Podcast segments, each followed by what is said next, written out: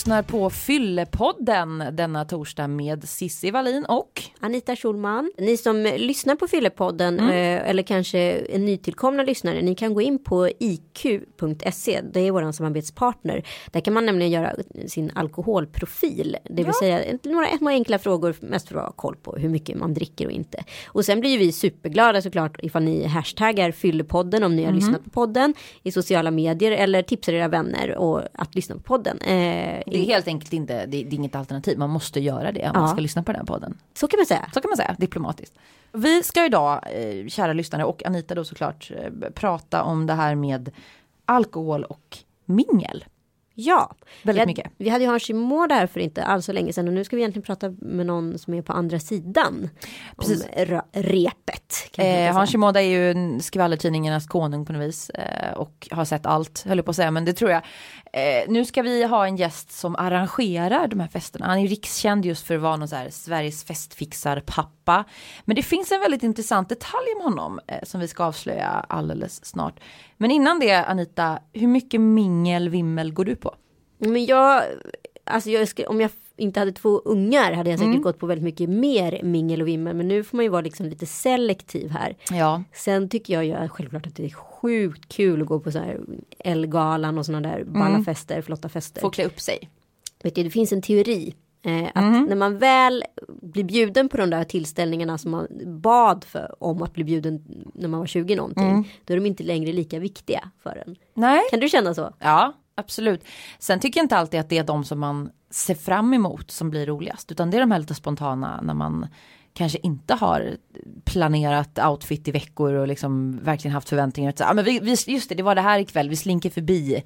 Och vad gäller alkohol i sådana här vimmelsammanhang, mingelsammanhang så får man ju passa sig lite alltså. Det är lätt när det är gratis också att bara slurpa i sig några glas och sen är man full. Jag kommer ihåg att jag var på någon jättetjusigt mingel eller vimmel eller vad det nu heter eh, när jag var i 20, Vlimmel. Vlimmel när jag var i 20 års ålder någonting och blev verkligen sådär sjökalasfull eh, och blev alltså utslängd bokstavligen utav den här eh, mannen som vi har som gäst. Är det sant? Ja, jag, jag vet inte om jag kommer våga dryfta det med honom. Eh, Nej, så kan... jag var liksom lite så här smårädd för honom eh, mellan varven. Ja, men, men sen, du får ju fortfarande komma på hans fester. Det får jag göra och han och jag gillar varandra. Och mm. tror i alla fall ömsesidigt. Du får fråga det sen. Ska vi ta in gästen? det gör vi, Mr Mingel. Yes.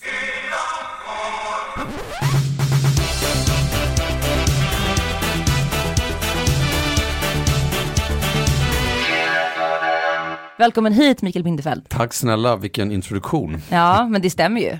Vet du, du kan få berätta, ehm, eh, jag var tillsammans med ehm, eh, salig Kid Severin som var en legendarisk journalist på Expressen. Mm. Det var faktiskt jag och hon som lanserade begreppet mingel på svenska. Alltså det var, fanns ja. inte, man använde inte det ordet i svenska utan det var jag som tog det till Kid och sen gjorde jag, hade jag någon idé om att var, nu skulle man liksom umgås på ett lite flyktigare sätt och man skulle kunna vara som en, eh, en humla i en blomsterrabatt. Man pratar med folk lite så här, någon två minuters eh, regel. Man pollinerar, eller kanske Nej, det får man göra efter det man har varit man eh, Men vad sa man innan? Förlåt. Förlåt? Vad sa man innan mingel? Jag tror att det heter en sån här cocktailparty kanske. Eller Cocktail, det känns väldigt 70-tal. Ja. Men det här var då kanske 87 skulle jag tippa på att vi, ett Kid skrev en artikel att nu är det den nya trenden Sättet att umgås på är att man minglar, taget från amerikanskans to mingle, att blanda sig. Men Mikael, du har ju inte druckit på 30 år. Eller hur? Det är nog ännu mer. Tror jag, Har faktiskt. du tappat räkningen exakt? Ja. Hur? Vad, hur kommer det sig? Eh, det är väl det enda som är jobbigt med det där, det är att jag alltid mm. måste motivera och förklara. Och jag, jag har, förstår det, men nu, nu, måste vi ställa, nu måste vi ställa den frågan. Jag har inte någon bra förklaring annat än att, eh, eller två ganska bra förklaringar egentligen. Ett, jag tycker inte att det är något gott. Jag gillar inte smaken av alkohol. Och två, jag gillar definitivt inte att tappa liksom kontrollen. Det är ju en, en, en, det som jag jobbar med. Och jag är eh, hyfsat övertygad om att det här är kanske en av anledningarna till att jag har varit eh, så pass framgångsrik inom mm. ett yrke. Det är väl för att jag sköter mitt jobb och jag lägger mig tid och jag är på jobbet nästa dag och att jag är alltid där nykter. Jag... Du har inte supit bort det kan man säga? Nej, varken, Nej. varken pengarna eller, eller karriären. Nej, det har jag inte. Hur ofta är det mingel i din regi?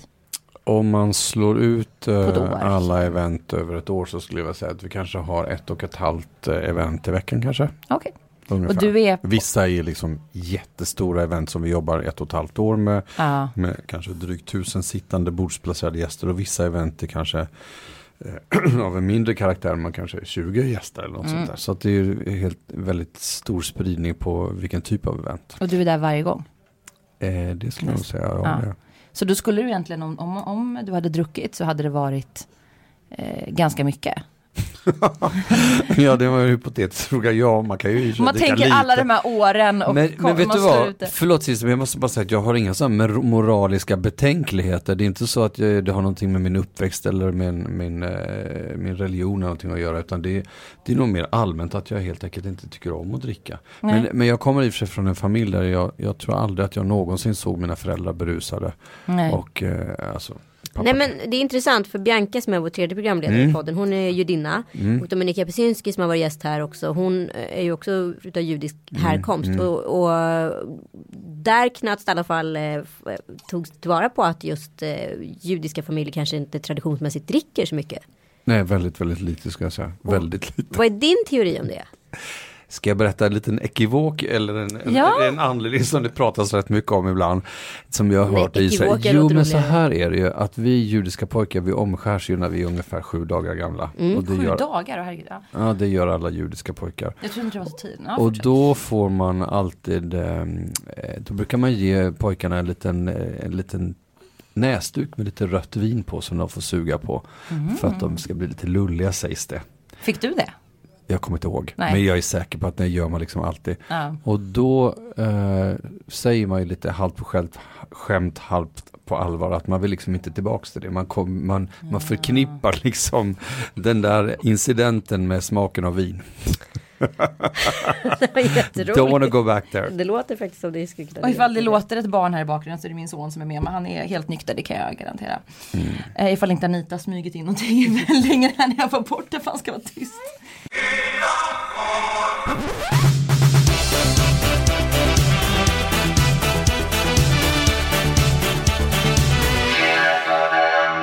det svårt eh, att umgås i sammanhang eller miljöer där folk är berusade? Tappar man respekten för folk? Eh, jag tror att jag har tränat upp mig till eller blivit van vid snarare vid både att liksom ha kul utan alkohol och att eh, se att folk omkring mig blir berusade, kanske inte allt för berusade men blir, alltså eh, eh, de, väldigt många av mina nära vänner gillar ju liksom att dricka och ha kul och sådär.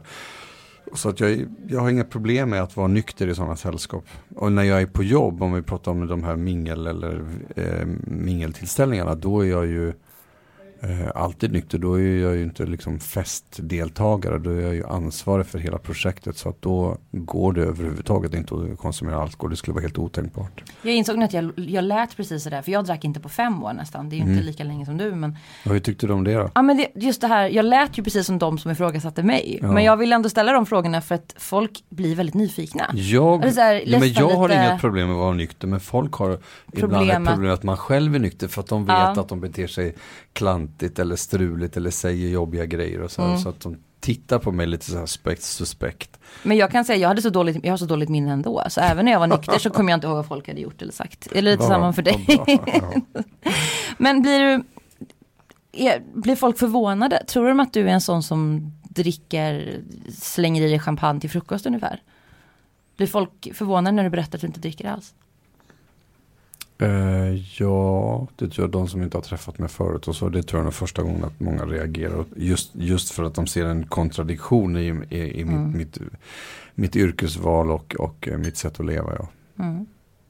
Men, men återigen, jag, jag kan inte nog poängtera att jag tror att en av anledningarna till att jag har varit framgångsrik det är kanske just det att jag ser det som ett jobb, att jag sköter det som ett, ett, eh, ett strikt jobb och att, att jag har liksom ett privatliv. Jag står inte och sprutar champagne klockan fyra på morgonen på Stureplan utan jag går liksom hem och så är jag på jobbet nästa dag tidigt sådär. Mm. Men jag tänkte på dina vänner då, för du Mm. har ju ett ganska stort socialt nätverk. Mm. Eh, som då dricker. Eh, och ibland är du lite frikostig på Instagram och bjussar på roliga efterfester och grejer. Eh, och eh, då tänker jag så här, men tänker de någonsin på, för de är ju tränade med dig, tänker de på att du är nykter? Eller liksom, Nej, inte alltså de när man, som är när man omprogrammerats Nej, bryr man sig inte mina längre. nära vänner tänker inte på det. De är så vana vid att jag aldrig dricker och sådär.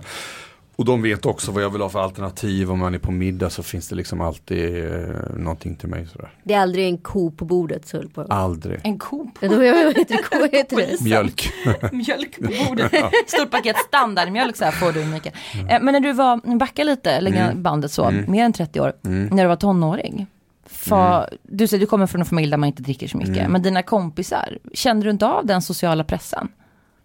Eller var du i kretsar där det inte dracks? För att där jag och Anita kommer ifrån så var det ju väldigt, där skulle man ju dricka när man var tonåring. Jo, men alltså det är väl klart att jag har kräkts mig igenom både en och två studentfester. Det är självklart. Det är ju så, så att eh, visst, visst dracks det alkohol. Även om jag inte verkligen tyckte att det var speciellt roligt eller gott då heller.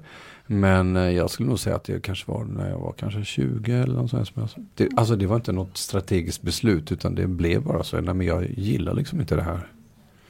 Men det, Eh, det, Det, låter... enda jobbiga är att jag alltid motiver- måste förklara. Jag kan Ja. tycka att det är ganska gott faktiskt ibland. Först att jag är helnykterist, men jag kan tycka att det är ganska gott med liksom, du vet, en sån här skön sommarmiddag och sen två eh, punch eller något, så här, något sött, så här, tvåa Baileys med en isbit i kanske. Det är knappt, en det är trea kanske. en eh, Det typ, räknas eh, knappt. pralin, en ja. punschpralin eller Så jag har lite så här tantig smak, jag gillar så här, inte det sött i så fall. Ja, ja, men jag förstår. Men du, om Mm. jag, jag kan ibland upptycka att det är jättejobbigt att eh, mingla. Mm. Har du något tips till mig? Alltså vad ska jag tänka på? Hur kan jag slappna av? Jag blir otroligt forcerad i så här, mingelsituationer. Forcera på vilket sätt då? Nej men du? att jag så här, jag, allt, Du antingen tappar så... dig själv och blir någon annan? Ja. eller? aldrig få en inbjudan igen nu, du förstår det va? Nej men att jag kan bli så här, hej hej hej och så, så spänner jag liksom och så anstränger jag mig så mycket och så blir det liksom bara konstlat. Då ska jag berätta om det helt ärligt. Jag förstår det. Och vet du varför jag förstår det? Därför att när jag är bjuden som gäst. Då kan jag också stå ibland i ett hörn och tänka så här. Ehm, får jag gå hem? Måste jag prata med dem? Hur länge ska jag prata med den? För, för, för mig i mitt yrke så blir det så mycket enklare. För jag har en ganska tydlig roll. Och för mig själv är det viktigt att jag har den här rollen. Jag kan hälsa på folk och jag kan gå snabbt vidare. Och jag har liksom Ja men du har, ett, du har Ans- en, ett mission om man säger. Du, du Ja, kan inte stå och prata uppdrag. med någon i... Det är svårare för mig att vara bjuden som gäst än att ha, än ha det som uppdrag. För det kan jag, att ha det som uppdrag är jag duktig på. Att vara som vanlig gäst, det kan jag precis som ni känner ibland. Att åh, vad gör jag här och hur ska jag bete mig och vem ska jag prata med och hur väl känner man den och sådär. Ja, men för jag vet aldrig hur länge man ska prata med någon. Vad är okej och inte på ett mingel liksom?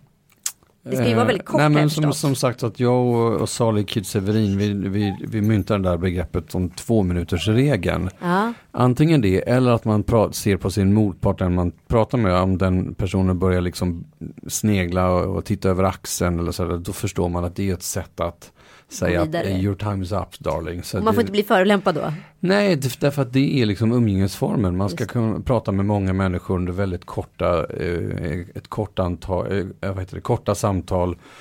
Eh, ämnena kan vara hyfsat eh, triviala eller ytliga. Man kanske inte ska fråga någon om, kan du berätta om hela din uppväxt? Verkligen Eller- inte. Nej men men det är ett, ett utmärkt tillfälle för att initiera eh, eh, relationer som man kan ta vidare någon annanstans. Någon annan gång man kan föreslå lunch.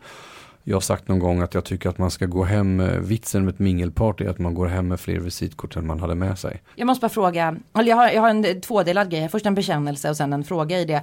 Eh, jag tror faktiskt inte det var ett på, på ett av dina mingel, så jag, det känns i alla fall skönt. Men en gång hade jag druckit lite mycket bjudchampagne, det var några år sedan. Jag hade precis träffat min nuvarande man och han hade inte gått på så mycket sånt där så han var lite sådär, åh där är ju den kändisen. Och han gick inte fram till någon men han stod liksom och pekade och jag fick någon brilliant idé om att vi skulle gå fram till Kicken i Poodles. Ni vet han med håret. Och eh, för min man var så här, är det han, vad, vad heter han, Prutten? Eller vad, är det? jag bara, vi måste gå fram och säga det, att du tror att han heter Prutten. Så jag släpper fram honom till den här mannen som jag alla träffat och säger det här och det blir jättekonstig stämning. Det förstår jag. Ja, och sen var det ingen med det. Varje gång vi ses nu så är det så här, hej, förlåt, så ska man liksom be om ursäkt i efterhand. Eh, så min följdfråga är, hur ställer du dig till om du har sådana gäster på dina eh, mingel som aldrig riktigt kan veta, som inte vet hur, var gränsen går, som kanske säger dumma saker, som dricker för mycket. Hur hanterar man det? Så man slutar bjuda dem antar jag, men väl på plats liksom.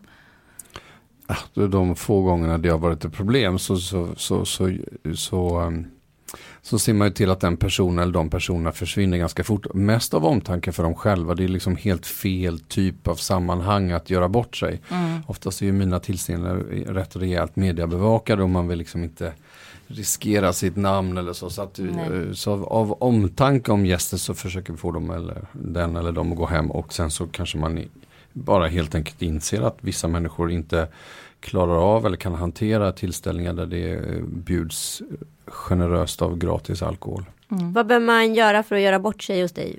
Har du en, liksom en svart lista? Med folk som aldrig får komma? Nej, fast de få gånger det har hänt så då, då, tänker jag oftast på deras, alltså av omtanke om den gästen så bjuder vi inte dem till den typen av tillställningar. Det har påståtts att du är en väldigt hård chef. Det är jag säkert. Stämmer det?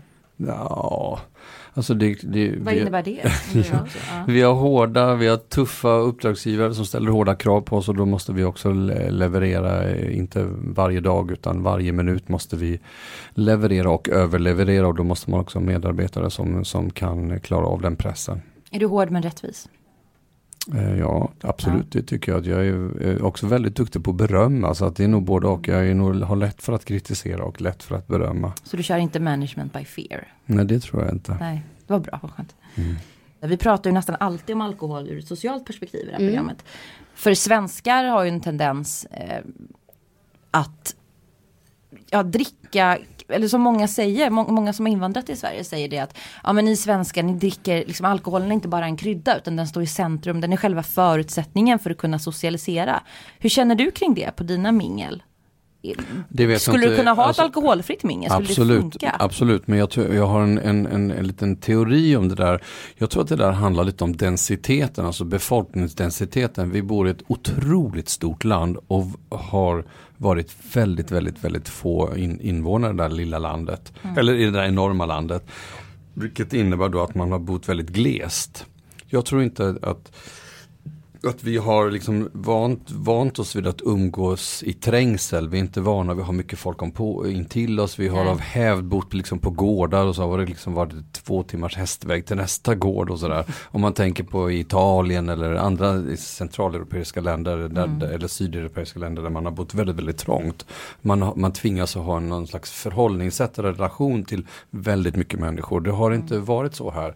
Då tror jag att alkoholen har varit som ett sätt att eh, hantera den blyg, blyghet som, som vi har i oss rent genetiskt tror jag som har kommit av det här glesa befolkningssättet. Jag tror att det, det kan ligga någonting i det tror jag. Ja och kombinerat med kölden tror jag också. Att, att man, man höll sig varm.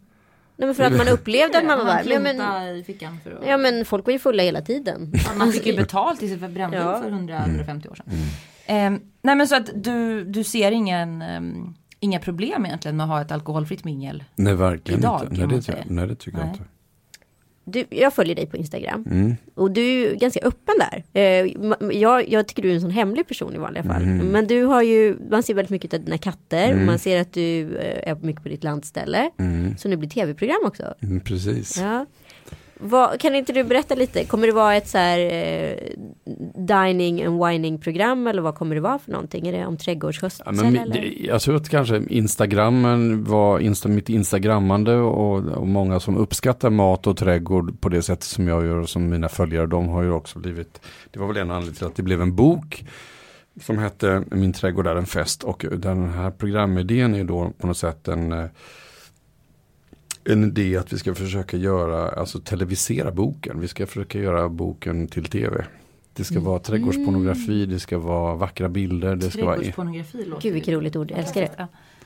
Eh, det ska vara vackra, vackra miljöer, snygga dukningar, eh, härlig men relativt lättlagad mat och framförallt så är hela idén att, att mycket ska vara lagat av det som jag själv odlar i min trädgård. För det är det som är min stora grej. Just det.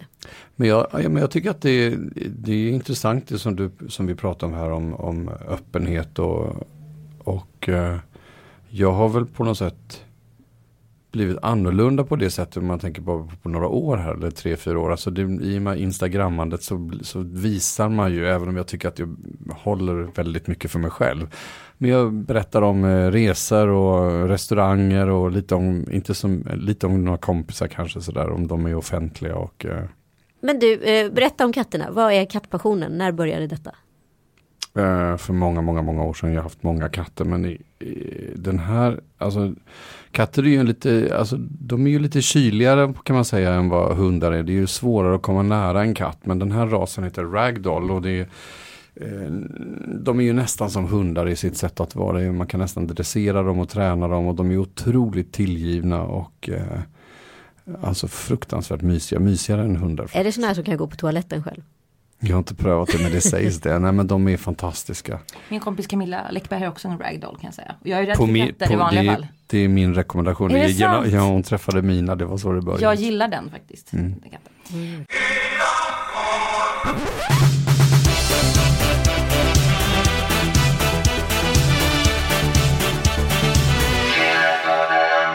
Jag är väldigt intresserad av grupppsykologi och vad som händer när man är i ett, eh, ett socialt sammanhang. Det har ju du säkert tänkt väldigt mycket på.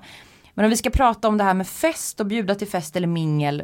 Vad anser du är den, är den bästa kombinationen av människor? Finns det något hemligt eh, eller välkänt recept på hur man ska blanda folk för att det ska bli så bra som möjligt?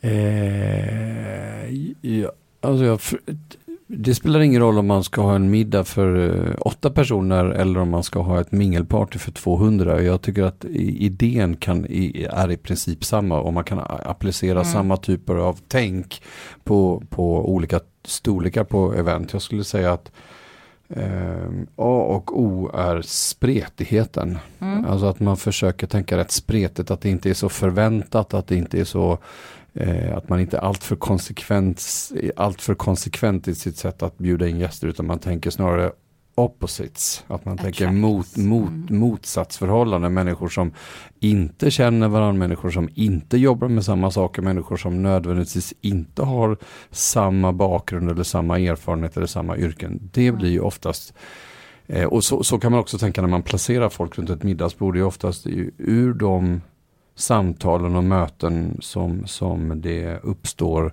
dynamik, eh, affärsrelationer och har man riktigt tur kanske även kärlek eller mm. passion. Så att, eh, att man försöker att blanda rätt mycket och det var, det var liksom det som var min grej redan från början för 30 år sedan att jag försökte att blanda folk på ett sätt som inte hade gjorts förut. Mm. Jag kommer ihåg att det finns inget tillfälle då jag och min man har bråkat så mycket som när vi bordsplacerade till vårt bröllop. För då kommer sanningarna fram om vad man egentligen tycker om varandras kompisar. Ja, är det nu kan jag säga. Den, ja. Mm. Och då undrar jag vad är, vad, där är tricket, ska man göra, för det, det kommer ju alltid till en punkt där det blir ett gäng tråkiga personer inom citationstecken.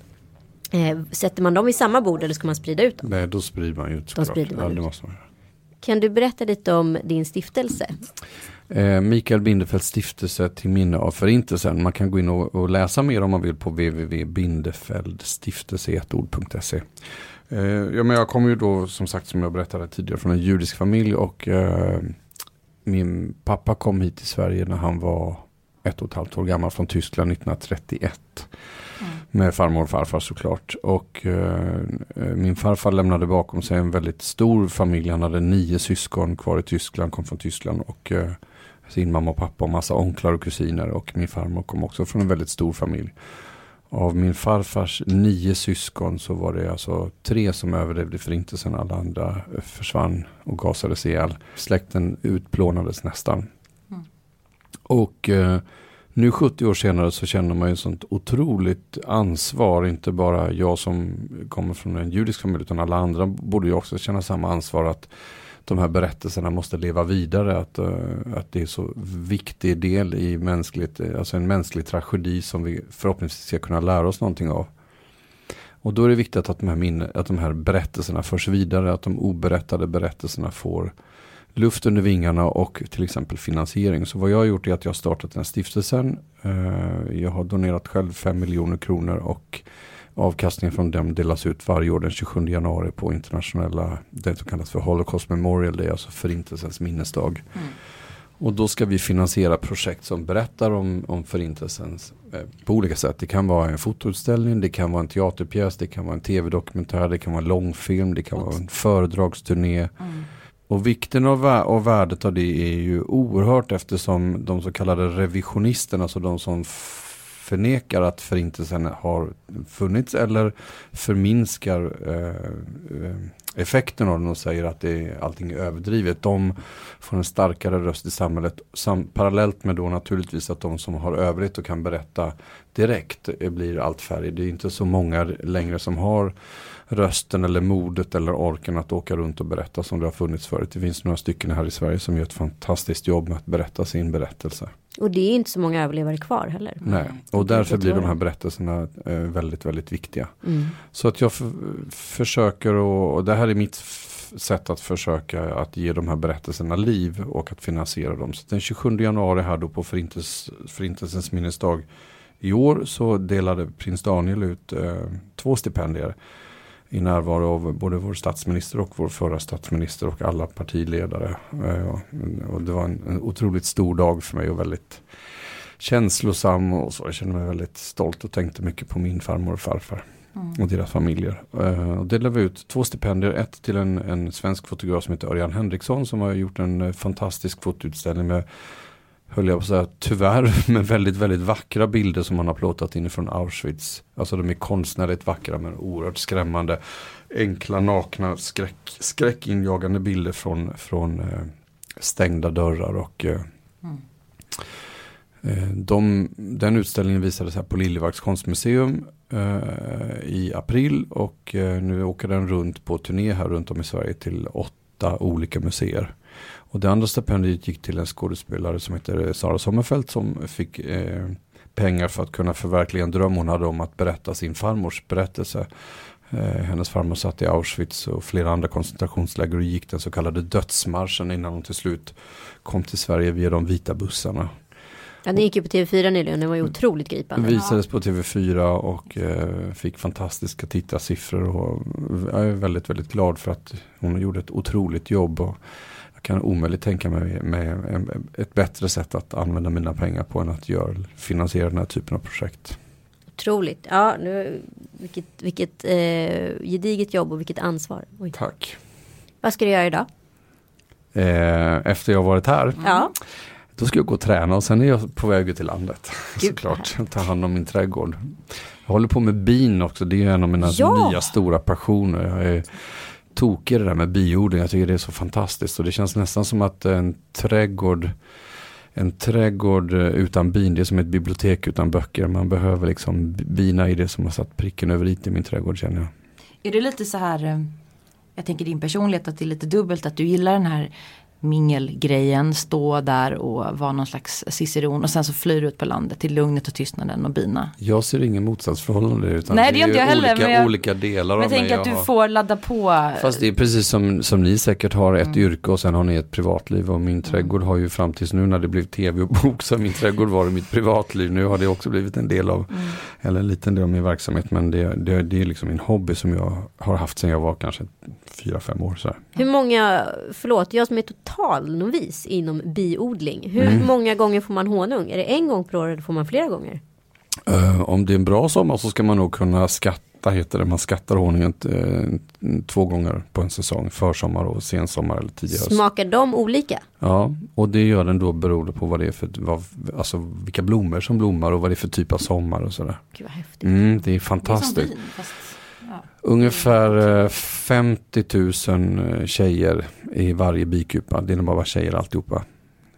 Och så några, några drönare som ser till att drottningen lägger ägg. Men annars är, är det liksom, det, det, är ett otroligt matriarkat. Mm. Häftigt. Ja, fantastiskt. Tack så mycket ja, Mikael Bindefeld för att du kom tack. och tog dig tid. Jag är tack. så glad att ha dig här. Tack för att jag fick komma hit. Tack för att du har lyssnat på Fyllepodden den här veckan. Och eh, vi har gjort den här podden, vi gör den tillsammans med IQ. Ha det bra, vi hörs snart. Yes.